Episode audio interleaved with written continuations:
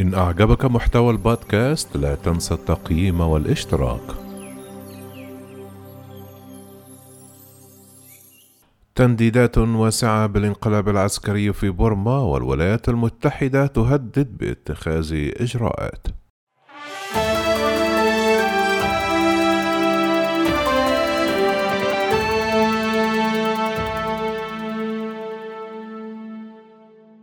توالت الاثنين ردود الفعل المنددة بالانقلاب العسكري من جميع أنحاء العالم وعبرت القوى العالمية الكبرى ممثلة بالولايات المتحدة الأمريكية والصين والاتحاد الأوروبي عن عميق قلقها لما يحدث في بورما ومن اعتقال أونغ سان سوتشي رئيسة الحكومة ودعت إلى العودة للمسار الديمقراطي واحترام إرادة الشعب المتمثلة في نتائج الانتخابات التشريعية الأخيرة. أثار الانقلاب في بورما الذي قاده الجيش مع اعتقاله الزعيمة البرمية أونغ سان سوتشي ومسؤولين آخرين.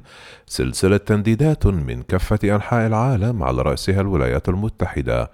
قالت المتحدثة باسم البيت الأبيض جين ساكي في بيان أن الولايات المتحدة تعارض أي محاولة لتغيير نتائج الانتخابات الأخيرة أو عرقلة التحول الديمقراطي في بورما وستتخذ إجراءات إن لم يتم التراجع عن هذه الخطوات.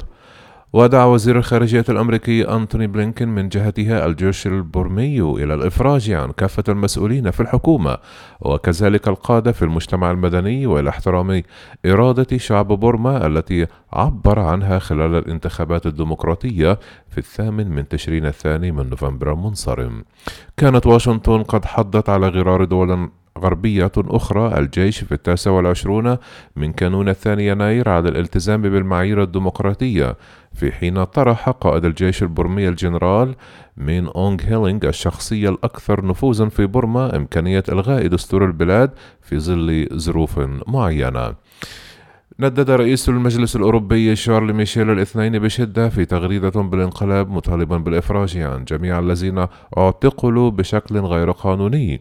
وكتب ميشيل في تغريدة أدين بشدة الانقلاب في بورما وأدعو العسكريين إلى الإفراج عن جميع الذين اعتقلوا بشكل غير قانوني أثناء مداهمات في أنحاء البلاد.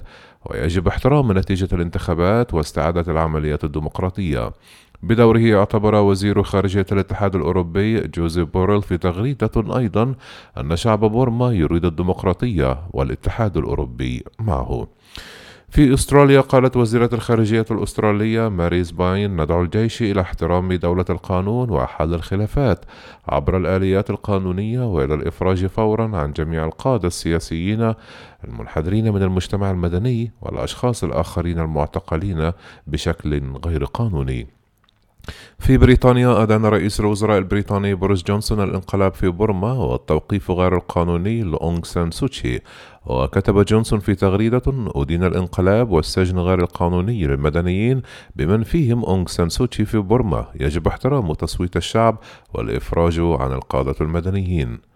أما عن الأمم المتحدة فندد الأمين العام للأمم المتحدة أنطونيو غوتريس بشدة في بيان مساء الأحد باعتقال الجيش البرمي الزعيمة أونغ سان سوتشي وزعماء سياسيين آخرين.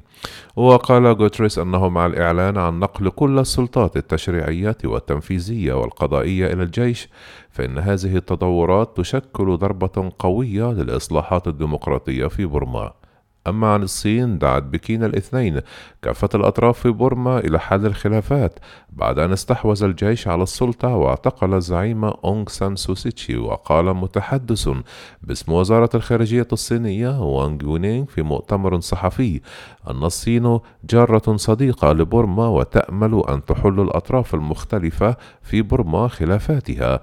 ضمن الإطار الدستوري والقانوني لحماية الاستقرار السياسي والاجتماعي. في اليابان دعت الحكومة اليابانية العسكريين البرميين إلى الإفراج عن أونغ سان سوتشي وإعادة الديمقراطية إلى البلاد بعد انقلاب عسكري. وقال وزير الخارجية الياباني نطلب الإفراج عن الأشخاص المعنيين بينهم مستشارة الدولة أونغ سان سوتشي التي أوقفت اليوم داعيا الجيش الوطني إلى إعادة النظام السياسي الديمقراطي سريعا إلى بورما. أما عن الهند فأعلنت وزارة الخارجية الهندية في بيان شاهدنا بقلق عميق الأحداث في بورما لطالما قدمت الهند دعما مستمرا لعملية الانتقال الديمقراطي في بورما. ونعتبر أنه ينبغي احترام دولة القانون والآلية الديمقراطية. في سنغافورة أعربت وزارة الخارجية عن قلقها البالغ بشأن الوضع في بورما آملة في أن تثبت كافة الأطراف ضبط النفس. أما عن كندا فكتب السفير الكندي لدى الأمم المتحدة باب راي في تغريدة أن الجيش البرمي صاغ الدستور بهذه الطريقة كي يتمكن من تنفيذ انقلاب وأضاف أن دستور 2008 صمم خصيصا لضمان أن تكون القوة العسكرية متجذرة بعمق ومحمية.